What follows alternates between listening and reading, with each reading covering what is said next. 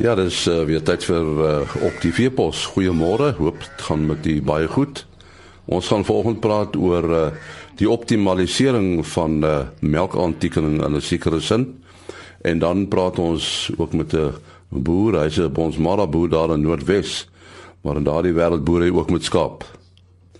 uh, Skalk Greiling is 'n uh, veekundige adviseur by by SA Stamboek en ons gaan 'n bietjie met hom praat oor die optimale gebruik van melkmonsters. Nou as ons uh, praat van die optimale gebruik van melkmonsters, wat bedoel ons eintlik daarmee, Skalk?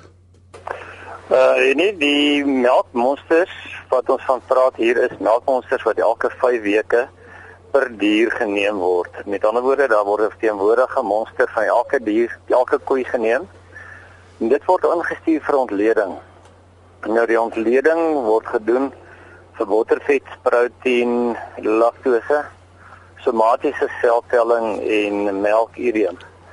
Nou die hele gedagte waarom ons gaan vir die optimale gebruik is om hierdie monsters soveel moontlik inligting uit hierdie monster te kan kry om uh vir die deelnemers aan die melkhandtekeninge ehm um, bestuursinligting te kan teruggee. Nou die bestuursinligting wat ons teruggee behels nou inligting oor uh die rantsoen, die inname van die diere en selfs hoe die verskillende ouderdom diere reageer. Want ons kry baie keer dat daar van die ouer diere die jonger diere domineer en uit die verslag kan 'n mens baie vinnig aflei. Dan uh, kan ons ook uh, vir oor die algemene dieregesondheid, die potensiële ketose of asidose in die kudde kan ons baie duidelike inligting kry en verslae teruggee aan die boer.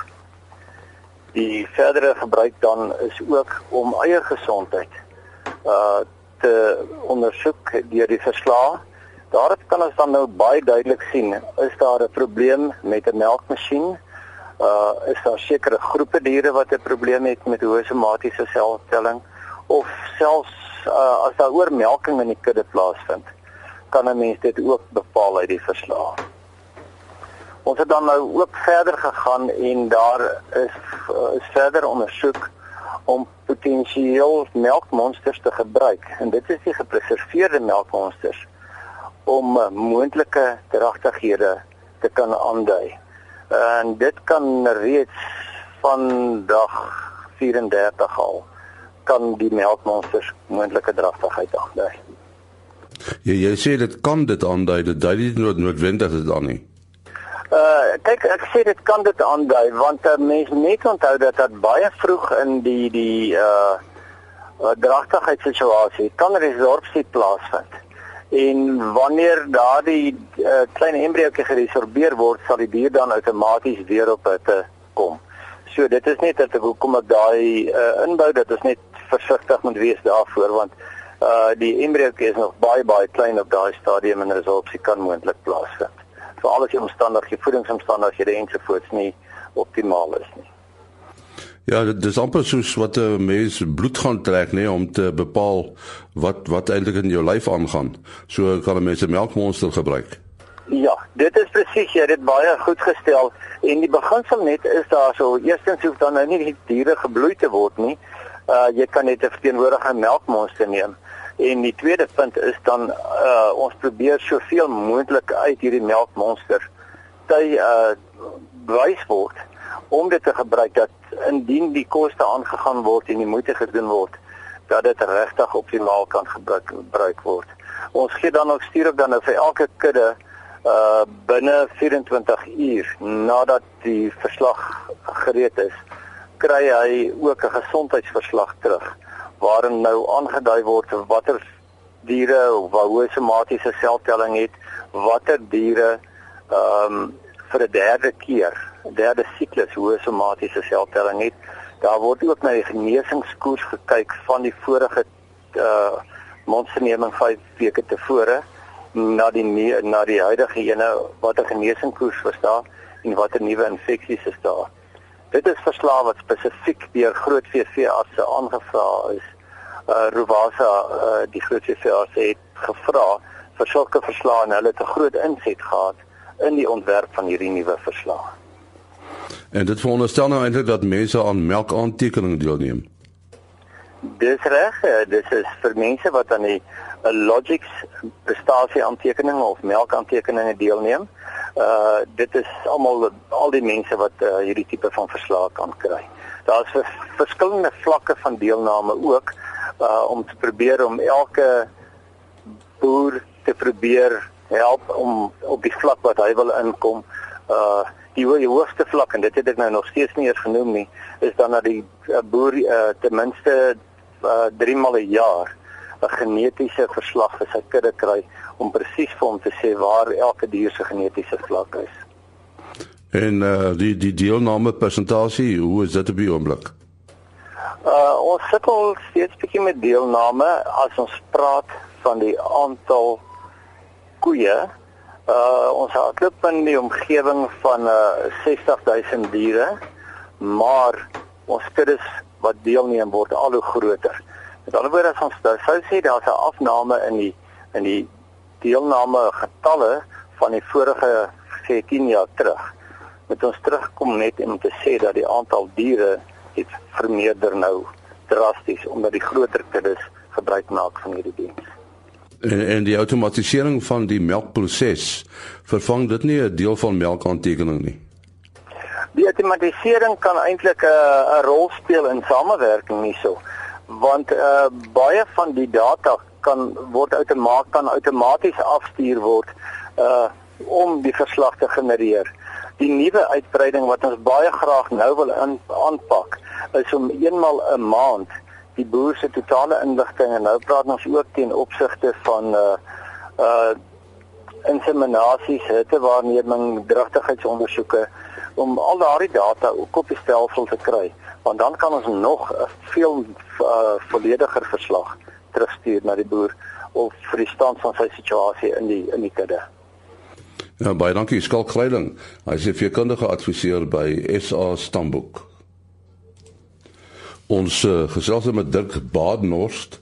Hy is die eienaar van uh, Badeveen Bonsmaras en hy boer daar in die Delareyville uh, distrik. Uh hoe lank is jy nou al daar op daardie plaas uh, Dirk? Ehm um, ek boer so sê so in die 30 jaar al uh, hier op die plaas. En is dit nog maar die hele tyd met uh, Bonsmaras? Ek boer die hele tyd met Bonsmaras. Ons het so 'n bietjie saaiery ook gehad uh saai baie min en dan het ek skape wat ek ook ingebring het ja. Ja, dis 'n interessante skuif nie want dis nie 'n skaap wêreld nie, is ek reg? En ja, die mense boer baie min met skape as gevolg van diefstal en al daai goede, maar as mens vat uh in die vroeë 90's uh was dit maar skaap wêreld gewees. Die ou mense het in baie groot getalle met skape hier geboer hoor. En en wat is soort skaap boer jy mee? Uh en ek is 'n landskapboer uh wat ek nou besig is om uit te faseer. Ek het 'n dormer stoet begin en dan het ek ook nou meat masters wat ek mee boer.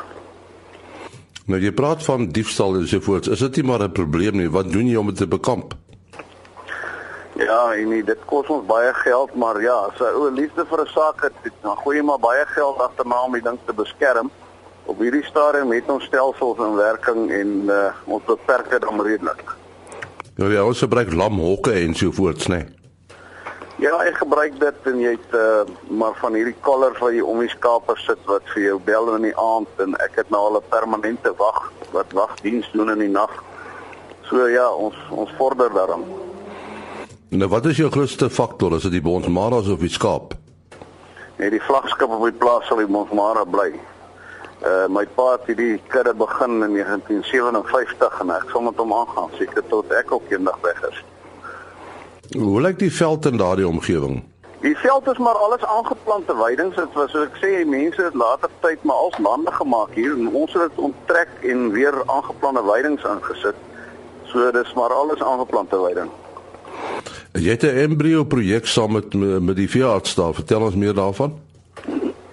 Ja, ek en 'n vriend van my, Dr. Anton Smit van uh Sanizov, het saam in die dorp dormers ingegaan. Sy stoet is fyn goud.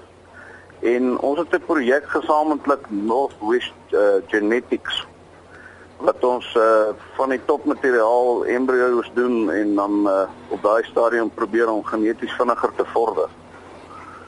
En hoe gaan dit met met daai projek? Hy het baie goed afgekop en nie ons eerste ramme bemark ons nou al uit die projek uit uh van die eerste oeye is ook in produksie. Dit lyk baie goed. Ehm um, so ja, ons is baie opgewonde. Die volgende die volgende uh groep gaan ons nou doen binnekort. Uh Dirk, wat is jou planne vorentoe veral nou met die skaap? Ag, hier is maar 'n bietjie uit te brei. Ehm um, ons uh, wil ek het 'n spulpunt hierso so ons gaan bietjie skape onder water sit en en kyk of ons nou kan produksie verhoog nie. En dan is daar 'n plan om 'n redelike voerkraal op die been te hou. Ja, dis nie so algemene ding nie, 'n skaapvoerkraal. Daar's 'n paar ouens wat ek gehoor het wat dit doen. Ehm um, nie almal doen dit suksesvol nie, so daar is maar seker baie wat 'n ou moet leer oor die ding, maar die ouens wat suksesvol in hom is, doen baie goed. Uh mense moet een ding onthou, die mense moet eet en skaapvleis sal altyd 'n gesogte produk bly. Ja, as dit nie maar 'n bietjie van 'n nismark skaapvleis nie uh, as gevolg van die pryse. Uh ja, dit ek ek ek weet nie. Uh ek dink die Suid-Afrikaners sal maar altyd 'n ou choppie op die kolle wil gooi. Ek dink skaapvleis is maar baie gesog hoor. En, en hoe werk jy dan met die met die twee faktore, vier faktore op die plaas? Jy het die bons uh die bonsmaras en dan het jy nou die skaap. Wy hulle op dieselfde veld? Nee, nee, hulle wy nie op dieselfde veld nie. Dis twee bene wat apart staan. Ehm um, so ons hou hulle ook maar apart. En wat is jou planne vorentoe met die bonsmaras? Ja, ek sal maar aangaan sodat ek aangaan en uh, ja, ou boer maar stoet en probeer maar genetika in die mark sit. Probeer maar altyd verbeter. So, dis maar die plan. Benut jy jou grond ten volle op die oomblik? Ehm um, daar is seker plek vir uitbreiding, ehm um, maar dan kry mens weer 'n jaar soos die laaste 2 jaar wat verby is wat baie baie swaar jaar was met reënval betref. Uh, dan as 'n ouma bly jy's nie heeltemal vol gestok nie en dan het jy dan so 'n bietjie reserves. Daar sê baie dankie Dirk Badenhorst, hy is die eienaar van Badeveen Bonsmaras en hy eh, boer daar in die Delaray Delarayville distrik in uh, Noordwes. Soos jy gehoor het, hy boer ook met skaap. Môreoggend is ons terug. Tot dan, mooi loop.